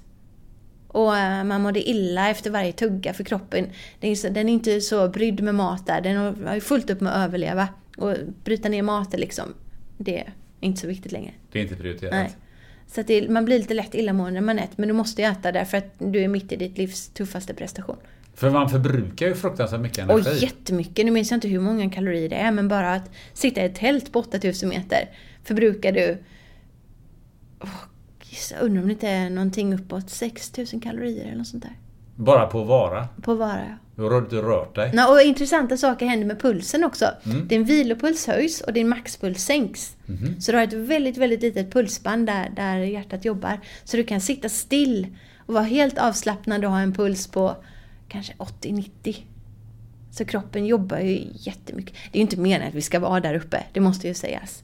Vi är, inte, vi är inte gjorda för att vara där uppe. Och där ska vi inte vara hur länge som helst heller. Nej, nej, det är ju inte nyttigt. Du bryts ju ner jättemycket. Eh, Muskler bryts ner och hjärnan bryts ner, hjärtat bryts ner i och med att eh, det är så lite syre. Så det är bra att vara där så kort tid som möjligt. Gick du ner någonting i vikt på det där? Oj, jag gick ner 10 kilo. Oj! Ja. Och det var säkert bara muskler för jag var så svag när jag kom ner. Det tog, jag tror faktiskt det tog två år att komma tillbaks till hur jag var innan. Inte tillbaks men eh, framåt får man säga. Hur viktigt det är, vi har varit inne på det här med, med, med teamet, eh, när vi pratade lite tidigare. Hur, hur viktigt är, är teamet i en sån här eh? Extremt viktigt. Det är hela upplevelsen.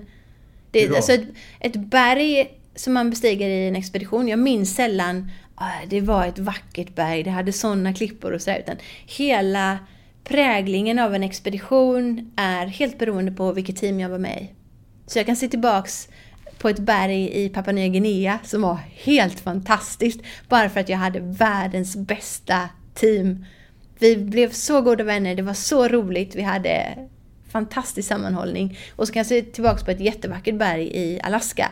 Där det var med ett gäng machokillar som bara pratade amerikansk fotboll hela tiden. Och liksom eh, skulle hävda sig mot varandra. Och det var mindre roligt. Och det berget var så här, nej, det var verkligen inte något av det. Det var inget fint berg. För att det blev präglat av teamet. Hur väljer man sina teammedlemmar i, eh, i en sån bestigning? Jag valde att klättra med lokala organisationer i alla Seven Summits för jag vill stötta dem och för att, dels för att det är en kulturell upplevelse som jag är intresserad av. Så jag hoppade på team utan att känna folk i alla expeditioner utom Mount Everest. Där, där kände jag dem jag klättrade med. Hur, hur, vilka relationer får man till varandra? Man lär verkligen känna varandra eh, på expedition. Det, det är ju det är inga coronaavstånd där. Man är ju inom fem meters radie från varandra nästan hela tiden. Ja, tio ibland kanske. Men man, man måste ju också... Jag kan tänka mig att man inte på sitt... Även om man tycker att man är på sitt livs äventyr så är ändå en sån ansträngning. Kanske man inte är, alltid är på sitt absolut bästa humör. Eller man, liksom, man, man får Ja. fightas. Hur, hur tar man hand om det? Hmm. Eller är man alltid på sitt... Är alla på sitt bästa humör? Nej, såklart inte när det är jobbigt och sådär. Men då, då peppar man ju varandra. Sliter på... Kan det slita på relationer i en sån? Det kan det säkert göra. Du har inte upplevt det? På Nej. Nej. Men då, samtidigt så är det ju det det är en viktig relation man har där i teamet för att man är ju varandras livförsäkring mer eller mindre. Det finns ju ingen räddningsteam du kan ringa eller helikopter som kommer och hämtar dig om något går fel utan då är det bara varandra som ni har att, att lita på. Och då är det viktigt att man tar beslut som kan röra liv och död i baslägret och inte när man befinner sig i en knivig situation på berget. Så man kanske behöver bestämma sig i baslägret att det viktigaste när vi bestiger det här berget är att alla kommer ner igen. Och det tar vi alla beslut ifrån. Och om någon skulle säga till dig så här, ja, men, eh, ja, jag tycker det är viktigt. de här, alltså när du känner att du skulle känna att jag lirar inte riktigt med den här personen i det här teamet. Skulle du, vad, vad, vad skulle du göra då? Då håller jag mig till de andra i teamet.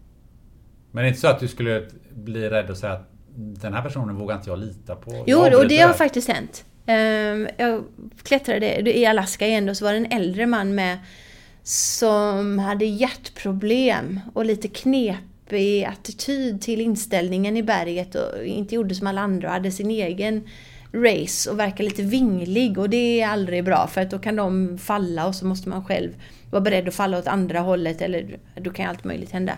Eh, men sen fick han höghöjdssjuka och eh, var tvungen att lämna berget så att det löste sig eh, per automatik att han inte var i teamet längre. Men då höll jag hela tiden ett öga på honom. Det är ju en osäkerhet såklart. Du, vad, vad händer efter man har gjort en sån här eh, grej som att ha bestigit Everest? Det är såklart en otrolig lycka. Eh, men det är också en väldig tomhet efteråt. Är det, för det är ju någonting du har sett dig fram emot, i det här fallet i 20 år. och som du har kämpat för, som var ditt stora mål. Och sen är det plötsligt borta. Det blir jättetomt efteråt. Och jag visste ju det, jag, så har det varit i hela mitt liv. Från olika tävlingar så vet jag att det blir en tomhet efter tävlingen. Och det har jag helt enkelt accepterat. Men efter Everest var det en enorm tomhet, för det är ett väldigt stort berg. Som lämnar en större tomhet efter sig. Hur hanterar man det på bästa sätt? Man låter det vara tomt. Ehm, Jag tror inte man ska ha någon brådska med att fylla i eller lägga i nya saker där. Och det trodde jag först. Ehm, Så jag hade bestämt mig för att vara med på VM i fridykning tre månader senare. Det var ingen bra idé. Varför då? Det gick inte att fridyka. Mina, eh, hela mitt, mina tankar var ju kvar i, på Mount Everest. Det var som att jag var tvådelad. Eh, och Jag hade inte riktigt smält Mount Everest eller hunnit reflektera över hela den upplevelsen och då kan man ju inte skicka ner kroppen och dyka djupt plötsligt. Det var, en väldigt eh, tudelad upplevelse. En sak jag funderar på är ju... ehm, ni har upplevt detta tillsammans som team, har varit eh, i de här strapatserna också, den här glädjen. Och sen kommer du hem. Mm. Och vem delar du liksom... Ja, de det är faktiskt det är en väldigt ensam upplevelse. Efter att ha gjort en sån um, strapats eller expedition. Därför att det är ingen här hemma som förstår vad vi varit med om. Förutom de andra som var med i expeditionen. Så vi höll kontakten väldigt länge. ehm, för att reflektera och för att prata om allt som, som hände. För det tycker jag, eh, man, själv har varit med om någonting som ingen annan har varit med om, Mm. som är fantastiskt. Och det är bara det är sånt man får acceptera helt enkelt. Det är ingen annan som kommer förstå. Du, du har varit med om något som ingen Hur jobbigt är Annan- det? Eh, det var det. Det är inte så jobbigt. Det är inte så farligt? Nej. Nej. Um, och sen när du nämnde att du klättrade ju Seven Summits alltså. Det är det högsta berget i varje, på varje Mm. Kontinent. kontinent va? Ja, precis. Ja. Eh, då kommer man ju till de här vanliga frågorna. Vilket berg var roligast och vilket var tuffast? Eh, det är samma sak. Ja. Roligast och tuffast. Everest såklart. Det är högst. ja. Det är väldigt, väldigt högt. Det är kallt. Det är som att vara i en helt annan värld. Vem vet, vilket, vilket, berg är, är tvåa efter Everest i, med nästa kontinent? Så att säga? Aconcagua i Argentina, det är knappt 7000 meter. Så det är inte alls, det är långt ifrån lika högt. Höjden på Mount Everest gör ju att det är tufft. Och Det är de här sista och- 1800 ja. metrarna. alltså. Verkligen, det är väldigt stor skillnad. Um, Antarktis var också väldigt tufft. Mount Vinson därför att jag ehm, hade luftvägsinfektion. Men valde att fortsätta även fast jag var lite sjuk för att det är ett så dyrt berg. Det kostar 40 000 euro. Oj, Så det är ju liksom inget, det är inte råd att åka dit igen. Så att det var nästan det är inget reguljärflyg. Nej, gud nej. Hur tar man sig dit överhuvudtaget? Ja, det är en lång resa. Först för att komma ner till eldslandet, Patagonien, där man flyger ifrån. Eh, nästan eldslandet, eh, Punta Arenas. Och där tar ett ryskt fraktflyg, en slags väldigt skumt flygplan som kan landa på glaciär. Och kan bara vara där i några timmar för annars fryser planet fast och sen måste det flyga vidare. Sen behöver ett väderfönster för att kunna flyga. Eh, så det var långt och dyrt att ta sig dit. Men eh, förutom det var det berget jag nämnde innan, Karstens pyramid i Papua Nya Guinea, där man måste vandra in genom djungeln i eh, nästan två veckor för att komma, ens komma fram till berget. Och det var en oerhört mäktig upplevelse. Därför att vi var så långt ifrån all civilisation. Inga andra turister, bara det här lilla teamet. Och lokalbefolkningen som vi lärde känna. Som, de pratade inte engelska, men de gick barfota. Guidade oss igenom den här djungeln, det var fantastiskt. Ja, det kan jag tänka mig. Många eh, tror jag kanske kan relatera till det högsta berget i Afrika, Kilimanjaro. Just det. Mm. Eh, Det väl kanske det berget som är enklast inom citationstecken Mm, att ta sig absolut. upp på. Eh, Det I alla fall ur, ur klättringsperspektiv. Ja, det är, det är i stort sett bara vandring. Det är nog, ibland måste du hjäl- ta hjälp av händer och, och knän också. Ehm, Sex dagar upp, en dag ner. Gör man det helst på. Jag har varit där nio gånger. Nio gånger på toppen. Mm, jag har guidat eh, Kilimanjaro men gör det inte längre. Nej. Vad, eh, vad, är, vad är utmaningen för en eh, vanliga dödliga? För det är ju rätt många människor som säger att men dit, dit skulle jag tänka, Mm. tänka mig. att gå." Utmaningen är att hålla tillbaks. Hur då? Därför att om du tar i, så fort du blir... Eh, om du tar i mer än vanligt, och det är svårt att säga. Hmm, om du tar ut dig så kommer du få höghöjdssjuka. Du kommer må dåligt. Eh, så det handlar väldigt mycket om att hålla tillbaks hela vägen tills du nått toppen. Sen när du är på väg ner, då kan du släppa på. Alltså att, att gå Gå tillräckligt långsamt, långsamt. precis. Att din puls aldrig går upp. Se till att du äter bra, så att du dricker mycket vatten och så andningen är superviktig. Det, det jag har sett de flesta misslyckas på Kilimanjaro är så här, det här känns ju lätt, jag går lite snabbare. Äh, jag kan bära mer i min ryggsäck, jag vägrar lämna min ryggsäck. De får höghöjdssjuka och måste gå ner. Varför får man det? Är det för att man eh, då har framkallat mjölksyra eller liksom att Nej, blir... det som händer då är att um, akklimatiseringen hinner inte med. Du hinner inte bilda tillräckligt mycket röda blodkroppar och, och hjärnan sväller ju på hög höjd. Och går du för snabbt och anstränger dig så verkar det som att den sväller mer. Och det är det begynnande, första tecknet på höghöjdssjuka är oftast att du får huvudvärk och sen illamående och så kan det bli värre om man fortsätter uppåt. Men om du tar sex dagar, Mm, då är du ganska säker. klarar de flesta människorna Ja, det skulle jag av säga. det? 90% klarar det. Men sen kan du, de, det de flesta gör fel då, det är att de ser att ja, det finns ju olika paket här på Kilimanjaro. Det här var ju hälften så dyrt. Man gör på fyra dagar. Jag känner mig stark. Vi köper fyra dagars paketet. Och då kommer man må dåligt, du kommer inte kunna njuta av naturen, du kommer antagligen inte nå toppen och sen måste du ändå köpa det dyrare paketet. Väldigt dumt. Väldigt jag, jag har hört några varianter. Att man, att man eh, kanske är iväg eh, två veckor och att du eh, först går upp på någonting som heter Mount Kenya. Mm, jättebra idé. Mm, förakklimatisera det. Och Mount Kenya är inte lika bestiget heller så det är eh, färre människor och inte så mycket skräp. Hur högt är det? 5000 någonting. Jag vet faktiskt inte. 5 och 7 kanske? Mm. Ja, 6, 7. Du, Höga berg. Vad, finns det några sådana här eh, lockelser att eh, bestiga en annan 8000 meter? Ja, det finns många vackra berg kvar. Eh, Men det, apropå vackra berg så var jag på ett av världens vackraste berg i höstas. Amadablam. Var ligger det? I Nepal. Det är ett, ett sånt där berg som du vet som ett barn ritar en teckning på ett sånt här toppigt berg. Mm. Och varje gång jag har sett, jag har vandrat mycket i Nepal och så sett det här berget så tänker jag ja, snart är det dags. Och sist jag var där så verkligen, nej nu är det dags. Det var som att berget verkligen talade till mig. Ja, och det var en fantastisk, fantastisk expedition förra, förra, i höstas. Men det var ingen 8000 meter? Nej, den är bara 6 och... nu Bara, borde jag veta. ja, ja, bara, 6 och bara. någonting. Ja, 6 Ja. 8 eller något sånt där. Ja. Mm, men det var oerhört krävande. Brant och kallt var det. K2, berget, Nej, ingenting? Inte lockande alls. Jag har ingen lockelse att åka till Pakistan. Därför att det är ett fientligt land som jag ser det. Eh, både mot klättrare och kvinnor. Så eh, ingen lockelse att åka dit. Och K2, jag tror det är en dödsstatistik på 30%. Och även om jag inte är rädd för att dö så jag, vill jag hellre leva. Ja, där, där går gränsen. ja, där går gränsen. Ja, för jag, jag kan bara dra den parallellen till Fredrik Sträng. Jag tror han har för- försökt fyra gånger. Ja, och misslyckats varje gång. Jag har absolut Eller bestämt sig för att avbryta rättare Mm. sagt. Ja, det är klokt av honom. Ja. Du, ehm, det här med dyka och eh, gå i berg. Det ska man kunna sammanfatta kanske i något ord som heter frihet. Mm, kan man göra. Vad är frihet för dig? Oj, oj, oj. Stora ämnen här. Frihet för mig är numera att inte behöva så mycket för att känna mig fri. Tidigare har jag definierat frihet som att jag måste kunna styra min egen tid, jag vill helst inte vara i en relation, jag vill inte ha ett hus med massa belåningar. Och om jag har alla de här sakerna, då är jag fri. Eller inte ha Eller här så- inte, precis. Om du behöver massa grejer för att vara fri, då är du ju inte fri på riktigt. Så om jag kan känna mig fri när jag sitter här och poddar med dig, om jag kan känna mig fri när jag går i Stockholm och har en fulltecknad kalender och massa lån att betala mig av, då är jag fri på riktigt. Så det är egentligen, frihet är en upplevelse, en intern upplevelse av vad frihet är för dig.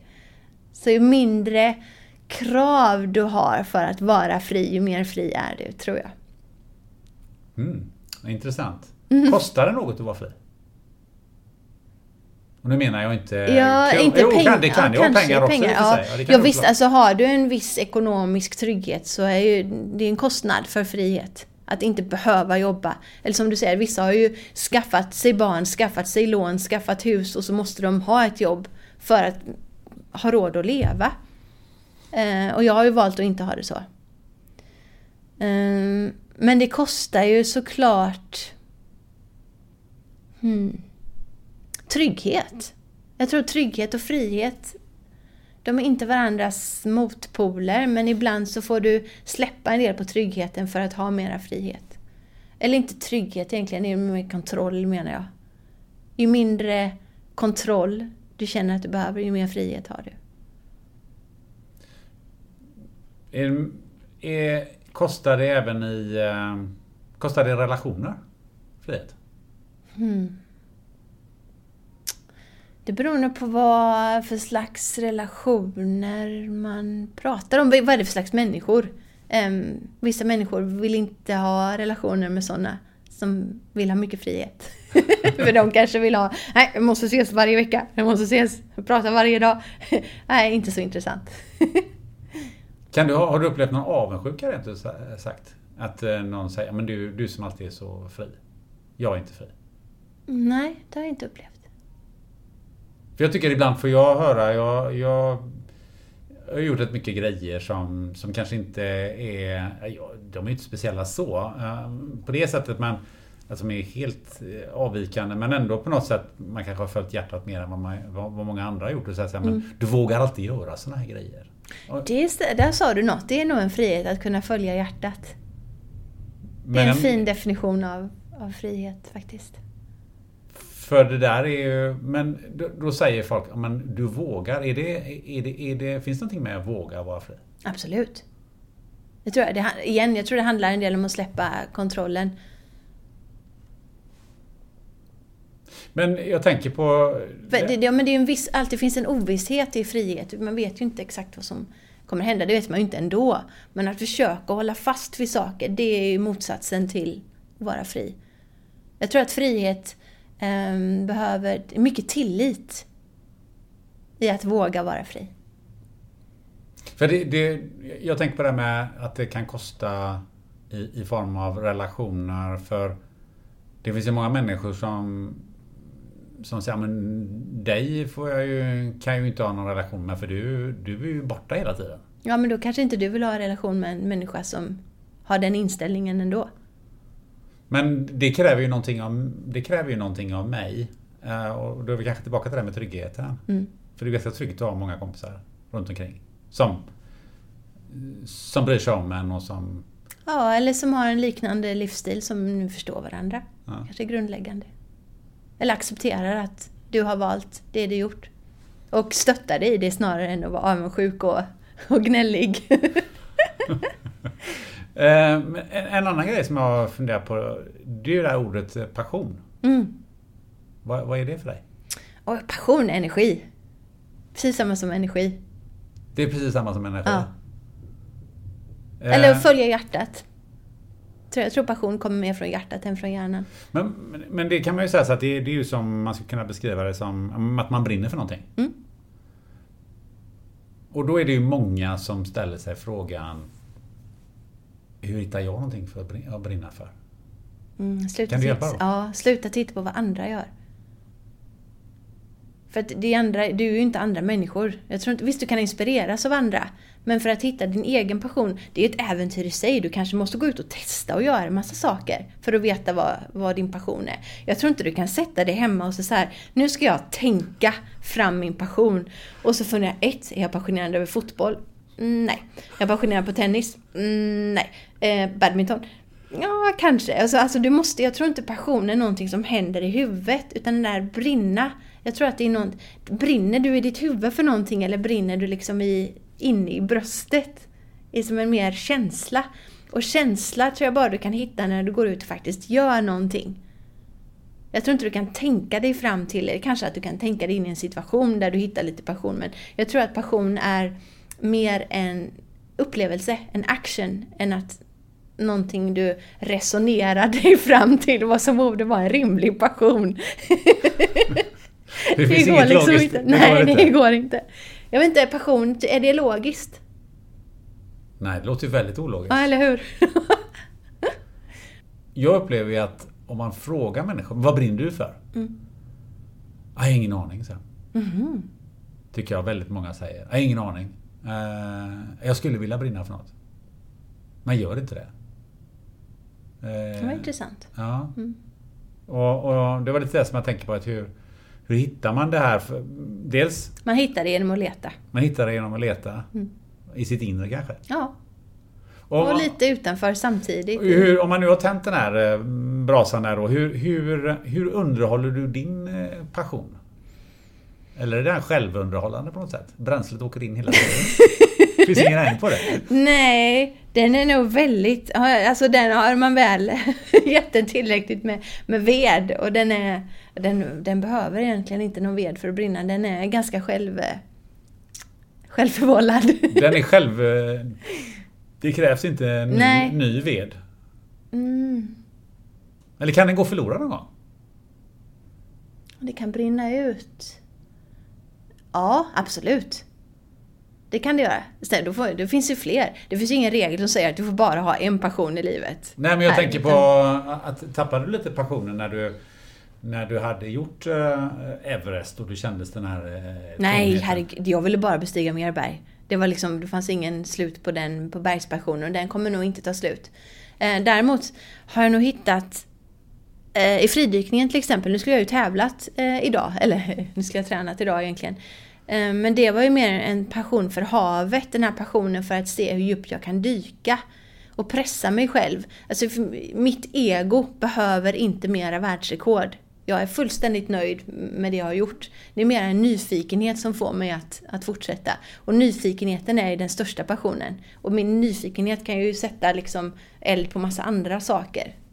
Um, som inte nödvändigtvis har med djupa dyk eller höga berg att göra.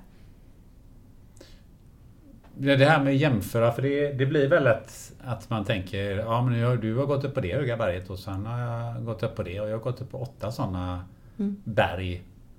Ehm, hur blir man av med det där? Att, att hålla på och jämföra, för det, det känns lite grann som att det är lite Ja, tävlingssamhälle. ja, och man, men jag sprang en maraton Mm. på på, på, på 3.40. Ja, men jag gjorde det, nästa gång ska jag göra det på 3.35. Ja, men du gjorde det på 3.20. Mm. Oj, vad bra du är. Och, ja, men den blir nästan lite, ibland kan det nästan bli lite så att man Alltså, Nedvärdera sin egen prestation för att Ja, du ser men vad andra så. gör. Ja, Alltså- visst. Och så är det ju, det skulle jag också kunna säga, Seven Summits är egentligen inget speciellt. Det är ju jättemånga som har gjort det, flera hundra. Och det är en kvinna som har bestigit alla 14 000, 14 8 000 meters berg. Så det jag har gjort är ju ingenting. Det, Det kan ju på. bara relateras till andra. Det är bara en som kan vara bäst i en grupp av människor på någonting. Så att, och det är, det är jättesvårt att vara, när man måste relatera till, till andra människor på det sättet. För att då kan du ju inte kontrollera din prestation i och med att den är beroende av hur andra presterar. Så det är väldigt svårt att, att liksom sätta en siffra på sin prestation då, om man då vill vara bäst på någonting. Och då tror jag att det handlar bara rent av, av ego. Och då måste du gå in och fråga dig själv, vad är egot? Vad är det i mig som känner att det inte duger som det är? Och är egot min passion? Är det... Ja, man då kan säga- ligger man risigt till tror Ja men, det, ja men det kan ju- men det Om känns ju din som, passion är att föra ditt ego. Ja men det, det, det känns ju så att det är många som Det tycker jag, man, man, att det finns nästan så att man känner att ja, men egot är ju liksom att Egot behöver ju bara bekräftelse hela tiden Ja. och det är väldigt, det verkar vara väldigt slitigt att leva för det. Ja. Att få bekräftelse hela tiden. Skapa stress. Ja, det är absolut stressskapande. Du, du, du lever ju lite ett sånt där, vad man kalla det för, um, nomadliv. Du är sällan hemma. Mm, ja, så brukar det vara i alla fall. Ja, ja, men just nu så är det ju Nej, exceptionella sen så tider. valde jag ju, jag hittade, alltså jag älskar ju Göteborgs norra skärgård. Mm. Eh, och sen var det något tillfälle när jag insåg att varje gång jag sätter mig på bussen härifrån så vill jag egentligen inte åka härifrån. För jag trivs så himla bra här ute. Det är den vackraste platsen jag vet i hela världen. Och så fick jag insikten därifrån att här ska jag bo. Okej, jag måste bo nära havet, jag måste bo nära naturen och så letade jag efter mark, fanns ingen mark någonstans. Och så insåg jag att på en båt, då bor man ju ännu närmare naturen. Och så kom det direkt, men så som hjärnan ska funka, så börjar hjärnan säga saker som att eh, du kan ingenting om båtar. Du vet inte hur man ska göra. Det är massa jobb att bo på en båt faktiskt och det finns inga båtplatser. Så hjärnan hittar på massa bortförklaringar till varför det inte kommer gå. Och då gäller det inte att lyssna för mycket på dem och så liksom hitta lösningar. Och så köpte jag en båt på Blocket och nu bor jag på en fantastisk båt vid havet. Nära, så nära naturen man bara kan komma. Men berätta, vad är det, vad är det för båt? Det är en stålbåt, eh, katamaran, eh, med en liten hytt på, eh, 12 gånger 4 meter. Är det typ husbåt eller? Ja, men den har en motor så man kan tuffa omkring lite grann också. Och mitt mål med den är att få den självförsörjande så att den är helt och hållet miljövänlig. Så eh, nästa projekt är solcellspaneler. Men var den sådär jättefin när du köpte den? Nej, jag renoverar den från grunden. Så jag, har, eh, varit, jag har nog rört varenda centimeter av den här båten. Jag har lagt min hand på allt. Och det, det var en passion jag inte visste jag skulle ha. Det här med att bygga och greja och renovera, det är jätteroligt. Att kunna någonting för att lära sig nytt. Alltså. Vad är det du har lärt dig? Oj! Eh, kakla, elektricitet, lägga golv, sätta in kök. Eh, massa grejer. Eh, bottenfärg. Sånt som jag inte hade en aning om innan. Svetsa? jätteroligt. Svetsa, ja det är roligt. Har du lärt dig svetsa? Ja, jag har lärt mig svetsa. Ja, är det svårt? Nej, det är jättelätt. Har du gick du kurs då och sådär? och- Nej, det var en kompis som lärde mig. Okej. Ja. Ja, vad spännande. Eh, men, men... Ja det- men så apropå nomadliv. Ja. Jo, så att ehm, jag tror att det är bra att ha en fast bas. Så är det på berg också. Basläget är väldigt viktigt. Det är där du återhämtar dig, där du har dina prylar, där du liksom har en... Så, båten är min absolut bästa plats för återhämtning. Jag kan sakna den när jag är borta från den för att det är så himla lugnt och skönt där. Men är det viktigt att man, att man saknar någonting, den här fasta platsen, när man är borta? För jag har ju upplevt människor, själv när jag har rest under, under längre perioder, som känns som att, eh, och de har varit ute då år och längre, att det, det blir en väldig rotlöshet. Att man inte riktigt vet vad hemma är någonstans Ja, längre. jag tror det. Ja, först var jag av den åsikten att eh, man kan bära sitt hem med sig, man behöver liksom inte ha en fast punkt. Men nu tror jag att det är bra att ha en fast punkt att komma tillbaks till då och då. Eh, det finns något... Och det är nog olika för alla tror jag, men eh, en del av mänskligheten, den som inte var en jägare utan mer liksom eh, bosatte sig. Eh, Man har det i sitt DNA att det är gott att ha en, en fast punkt att komma tillbaks till. Hur, hur länge är du... eh, Men jag kan ju också bli rastlös, jag kan ju inte vara inne en hel dag. Det är... Men nu är jag ju tack vare Douglas, vi är ute på mycket äventyr, ute och går en massa. Men eh, hur, hur stor del av ditt liv eh, lever du på, på båten respektive ute och reser? Skulle du Och säga? det varierar ju väldigt mycket. Det är lite ett liv innan och efter Douglas. Eh, innan Douglas så reste jag extremt mycket. Jag var utomlands mycket mer än vad jag var i Sverige. Men nu med båten och med Douglas jag kan resa. Och det är också ett miljömedvetet val att jag inte vill göra lika många långa flygresor. Så jag kanske gör tre längre resor om året. Några kortare i Norge och inom Sverige. Jag, jag föreläser väldigt mycket när jag är hemma. Det är ett av mina favoritjobb.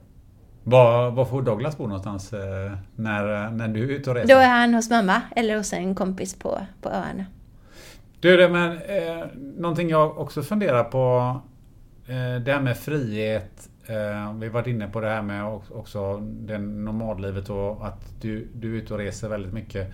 Um, alltså hur, hur är det att ha nära relationer när man, när man, har, när man samtidigt vill ha den här eh, friheten? Typ att vara sambo eller... eh, Mm. Ja, det beror, nog, det beror väldigt mycket på personen i fråga. Ehm, om det också är en med nomadsjäl så går det alldeles utmärkt. Man får vara, man får vara två nomader helt enkelt. som- Ja, och sen alltså det här, mycket relationer, det här med att man ska alltid vara tillsammans, man ska veta vad den andra gör, nästan som en ägandeform. Det passar inte mig. Men om man båda tillåter varandra frihet och har en tillit i det så tror jag att det går alldeles utmärkt. För kan man ha Kan man ha starkare relation till friheten än vad man har till människor? Kanske konstig fråga. Men jag, får, ja, men jag funderar på det här liksom att För det är ju på något sätt att om du Det är ändå så att du måste ändå inrätta dig efter en, en annan person. Mm. Även om ni har ett väldigt fritt förhållande. Ja, det, det gör man ju. Men på något sätt så måste man ju ändå göra det för annars blir det ju liksom Ja, Annars blir det ju ingen tvåsamhet. Nej. Då blir det en ensamhet ändå. Ja.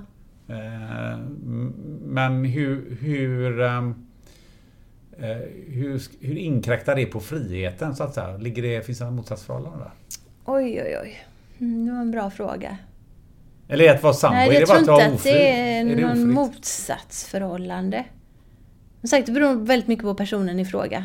Och vilka inställningar... För någonstans måste du ju kompromissa då. Ja, det är klart det blir. Mm. Eller att två världar möts. Ja. På vilket håll man ser det ifrån. Ja. Ja. du, ehm, men, men nu har du gjort en väldigt massa saker och nu har du eh, skaffat dig en fast punkt på, på husbåten. Eh, mera fast Flytande punkt. punkt. Den flytande punkten, den kan ju alltid röra på sig men det kanske Mm. inte är lika mycket som om du är ute och flyger. Men vad är, vad är dina drömmar framåt? Oj, jag har massor. Ja, Ehm, berätta. Det roligaste just nu är att undervisa i mental träning och meditation och andning. Så jag har börjat göra det på ett gym ute på öarna. Ehm, Och det är oerhört givande och meningsfullt. Så det vill jag göra mer och kanske i större form. Ehm, Jag och en kollega Cecilia Duberg, vi har Tysta Retreat tillsammans. Också ute på öarna? Nej, eh, vi har mest varit på spa hittills. Men vi kommer nog ha ute på öarna också i framtiden. Och ha mer utomlands. Vad roligt. Och jag älskar att surfa. Jag har inte surfat på jättelänge. Så det är min dröm att få till någon surfresa snart. Bara för eget höga nöjes skull. Åka iväg och vågsurfa lite. Sen vill jag bestiga ett högt berg. I Vilket vår. som helst? Nej, jag har ett berg i åtanke men det tänker jag inte säga vilket. Än. Nej, det är hemligt. Okej. Ja. Och spela gitarr. Jag vill lära mig spela gitarr. Ja, vad roligt. Ja, jätteroligt. Och sen, mm, vi har en segelbåt med några kompisar. Jag skulle segla långt med den också. Det tillhör också drömmarna. Vad härligt. Var, var, var är de tio år? Är antagligen på husbåten i på Är hälsa. rör, rör, äh, men vad, vad, vad så att säga, vad, vad gör du då? Och vad, vad har Ingen du liksom... aning. Vad tror du? Jag tror och hoppas att jag hjälper människor till en mer meningsfull tillvaro genom eh, någon slags mental utvecklingsträning. Att utveckla andra? Ja, precis. Alltså jag har gjort så mycket för mig själv, jag behöver inget mer för mig. Jag vill hellre dela med mig till andra. Det för mig är det mer givande att hålla en fridykningskurs än att sätta ett nytt rekord. Att, att dela allt som jag har fått, det vill jag ge vidare på något sätt. Och jag vill, jag älskar havet. Så eh, jag vill ge tillbaks till havet för allt som jag har fått. Så eh, gärna utveckla. Vi håller på att dyka efter spöknät. Eh, Spöknät, vad är det? Eh, spöknät som fiskebåtar och fiskare tappat i havet som driver omkring. Om hummertiner som ligger och fiskar eh, och bara dödar fisk. Det är väldigt lite fisk i havet. Så att vi behöver ju all levande fisk som finns kvar. Så det är ett gäng eh, på Hörne som heter Divers Against Ghostnet som vi plockar upp. Så gärna fortsätta utveckla det och fortsätta rädda havet på något sätt. Det känns viktigt. Om tio år också. Jättebra, men jag tänkte att du, du ehm, skulle kunna som avrundning här, eh, för det behöver vi göra så småningom här. mm, Här och nu ge tillbaka lite. Ja, Ja. Visst. Eh, för att vi pratade om elefanten i rummet och det är ju faktiskt ändå så att man kan ju skoja om det och man kan ju skoja om att eh, att det var orsaken till att vi faktiskt har, har den här pratstunden som vi har haft. Precis. Som, som jag tycker har varit fantastiskt. Men eh, det är också så att det, det är också rätt många människor som är faktiskt oroliga. Eh, det är många människor som, eh, som på ett eller annat sätt faktiskt eh, lider. Antingen blir sjuka eller det kanske till och med någon anhörig som har som har dött eller, som, och som, eller som förlorar sitt jobb. precis. Det är ju ändå en... eh, Det handlar inte bara om att förlora en inkomst, det handlar också om att förlora ett socialt sammanhang. Mm. Som jag tror nästan är, är, är ännu värre eh, att man inte har ett jobb att gå till. Säkert. Eh, säkert om man kanske inte har, har just det här sociala nätverket eh, utanför jobbet. Mm. Så, att, så att många människor känner sig nog lite negativt eller, eller, eller, eller vad ska jag säga, många människor känner sig ju ehm, att de kanske inte mår så bra och, och känner att det här är skitjobbigt. Mm. Ehm, har du några sådana här bästa tips för hur, hur man kan tackla eh, det när man känner sig på, på det sättet och, och hur, hur kan man hantera, för det är också en rädsla. Eh, man, kanske rädd, man kanske tillhör en riskgrupp och är verkligen riktigt rädd för att Mm. bli sjuk. Du och jag kanske inte är så jätterädda för det.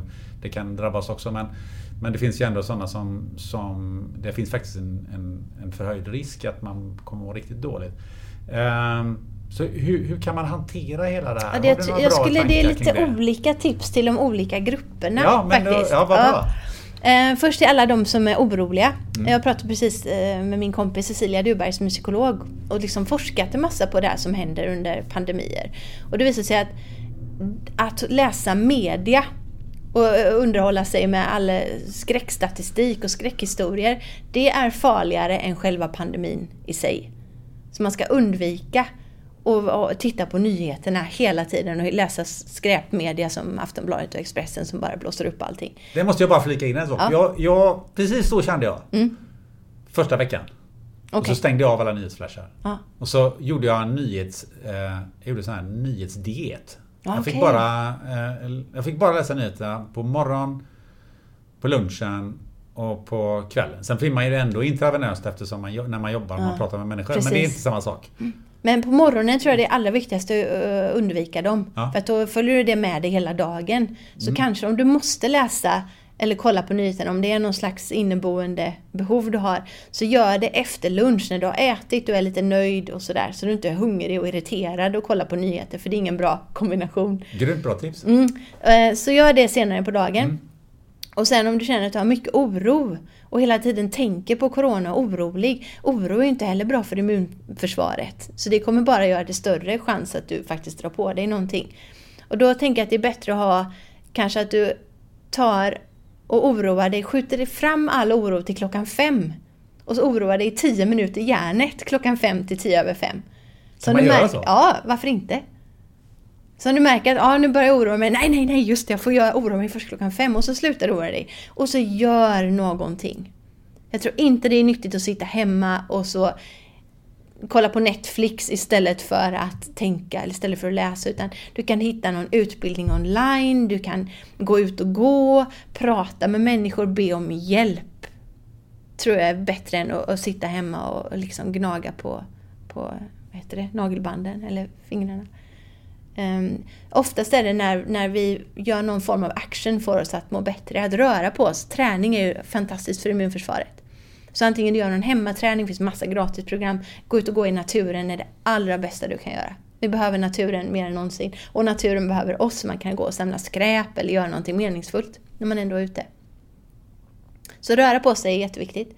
Och så kan man se till sina andningsvanor. Andas genom näsan. Och ha en lite längre utandning så kommer man bli naturligt lugnare och mindre orolig. Tack vare andningen. Naturen är också ett bra tips. va? Naturen är absolut bästa. Den är ju som allra vackrast just nu. Så jätte, jättebra att vara ute. Eh, Och till, kanske till och med för riskgruppen. Att de vågar sig ut i naturen. Den är ju inte avstängd och där är förhållandevis säkert att vara. Fantastiskt bra tips som en avrundning. Jag Ja, tror att det här var, ja, men jag tror att det här var, var, var jättebra. Jag tror att eh, jag tycker det är viktigt att man, man tar med sig någonting utav allt det här som, som du också har pratat om. Just det här med att, att eh, det, det här mindsetet och, och det sättet som du har pratat om både och, Mm. Ja, och sen- på berg. Att, det liksom, att, man, att man faktiskt kan, man kan plocka med sig saker och ting. Jag Ja, och det är en fin- till viktig grej där är ju förberedelser. Alltså att göra allt du kan för att undvika att det kommer gå fel. Som i bergen är ju förberedelserna är ju A och O och samma i fridykning. Och det kan man göra även i, i dessa coronatider. Alltså förbereda dig själv, göra dig själv så stark som möjligt och göra allt du kan för att inte bli sjuk. För då har du i alla fall gjort allt du kan för att inte bli sjuk. Då kan, slipper du oroa dig. Eller kanske göra allt man kan för att vara så förberedd när det här är över. Det också. Precis, för det kommer ju ta slut. Ja. Fantastiskt bra. Ehm, nu har vi suttit här och tjötat i nästan två timmar. Oj, gissas. Ja, eller hur? Hur har det känts? Det känns som det gick väldigt snabbt. Ja. Känns det för att vi har eh, fått med det, det du skulle vilja Oj, om? ja men det var väldigt spännande ämnen som vi snöade in på, tycker Ja. jag. Jätteroligt, annorlunda. Ja, men jag tycker det också var fantastiskt roligt att få prata med dig. Du, ja, men om du skulle välja någon annan här då som, som du tycker att jag borde bjuda in till den här podden? Cecilia Duberg. Cecilia Duberg. Psykolog och hälso, hälsopsykolog kan man säga. Hälsopsykolog. Ja, fantastiskt duktig. Hon har skrivit en, eh, två böcker. Lejonagendan är den första, kan jag verkligen rekommendera. Mm. En av mina favoritböcker. Hon håller på att skriva en tredje nu som är väldigt spännande. och det är någon som finns här i Göteborg. Eh, hon bor i Örebro och Stockholm. Så då kanske du måste åka dit igen. Det är just det. Jag, Mm. Vi pratade ju så innan podden att jag hade varit i Stockholm och ska åka till Stockholm Mm. igen. Så att eh, visst, det ska jag faktiskt göra. Ehm, Om man skulle vilja följa dig och eh, se vad du gör och, och vad du kommer att göra framöver. Och, Mm. och jag vet att du har inte pratat om all din fotning och alla de här grejerna Nej, som jag du är gör. väldigt intresserad av... Ja. Jag har ju turen att vara på väldigt vackra platser så jag fotograferar väldigt mycket. Ja, eh, du, jag kan ju personligen rekommendera ditt Instagram. Mm, tack så mycket. Eh, och din fina eh, webbsida. Tack. Eh, Men om man, om man, så att säga, man vill följa dig. Anneli Adventures heter jag på Instagram och Facebook. Ja. Och min hemsida är annelipompe.com. Perfekt. Och där hittar man också om man skulle vilja komma i Om man kontakt vill följa dig. med på expedition eller komma på ett tyst retreat eller säga hej. Eller säga hej. Ja. Ja. Ja. det kan man också få Det kan göra. man också ja, det är fantastiskt bra. Anneli Pompe, ett jättestort tack att du ville vara med på den. Tack själv, det var jätteroligt. Ja, vad härligt. Hoppas du gillar det här avsnittet. Tycker du det var riktigt bra? Ja, då får du gärna gå in och dela, skriva en rad på sociala medier eller till och med rekommendera podden i iTunes. Nästa avsnitt det kommer att handla om fokus. Du kommer få träffa Kristina Bengtsson som hjälper många av världens största industriledare att hålla ordning på tankarna. Kristina är världsmästare i gevärsskytte och vet hur man meckar med ett JAS 39 Gripenplan. Till dess så vet du exakt vad du gör. Just det, du slänger undan mobilen, sätter dig i lugn och ro med en vän. Andas in genom näsan, ut genom munnen och fokusera på vad hon eller han har att säga. Ha det gött! Planning for your next trip? Elevate your travel style with Quince. Quince has all the jet setting essentials you'll want for your next getaway, like European linen, premium luggage options, buttery soft Italian leather bags, and so much more. And is all priced at 50 to 80% less than similar brands. Plus, Quince only works with factories that use safe and ethical manufacturing practices. Pack your bags with high-quality essentials you'll be wearing for vacations to come with Quince. Go to quince.com slash pack for free shipping and 365-day returns. Ever catch yourself eating the same flavorless dinner three days in a row? Dreaming of something better? Well, HelloFresh is your guilt-free dream come true, baby. It's me, Gigi Palmer. Let's wake up those taste buds with hot, juicy pecan-crusted chicken or garlic butter shrimp scampi. Mm. Hello Fresh. Stop dreaming of all the delicious possibilities and dig in at HelloFresh.com. Let's get this dinner party started.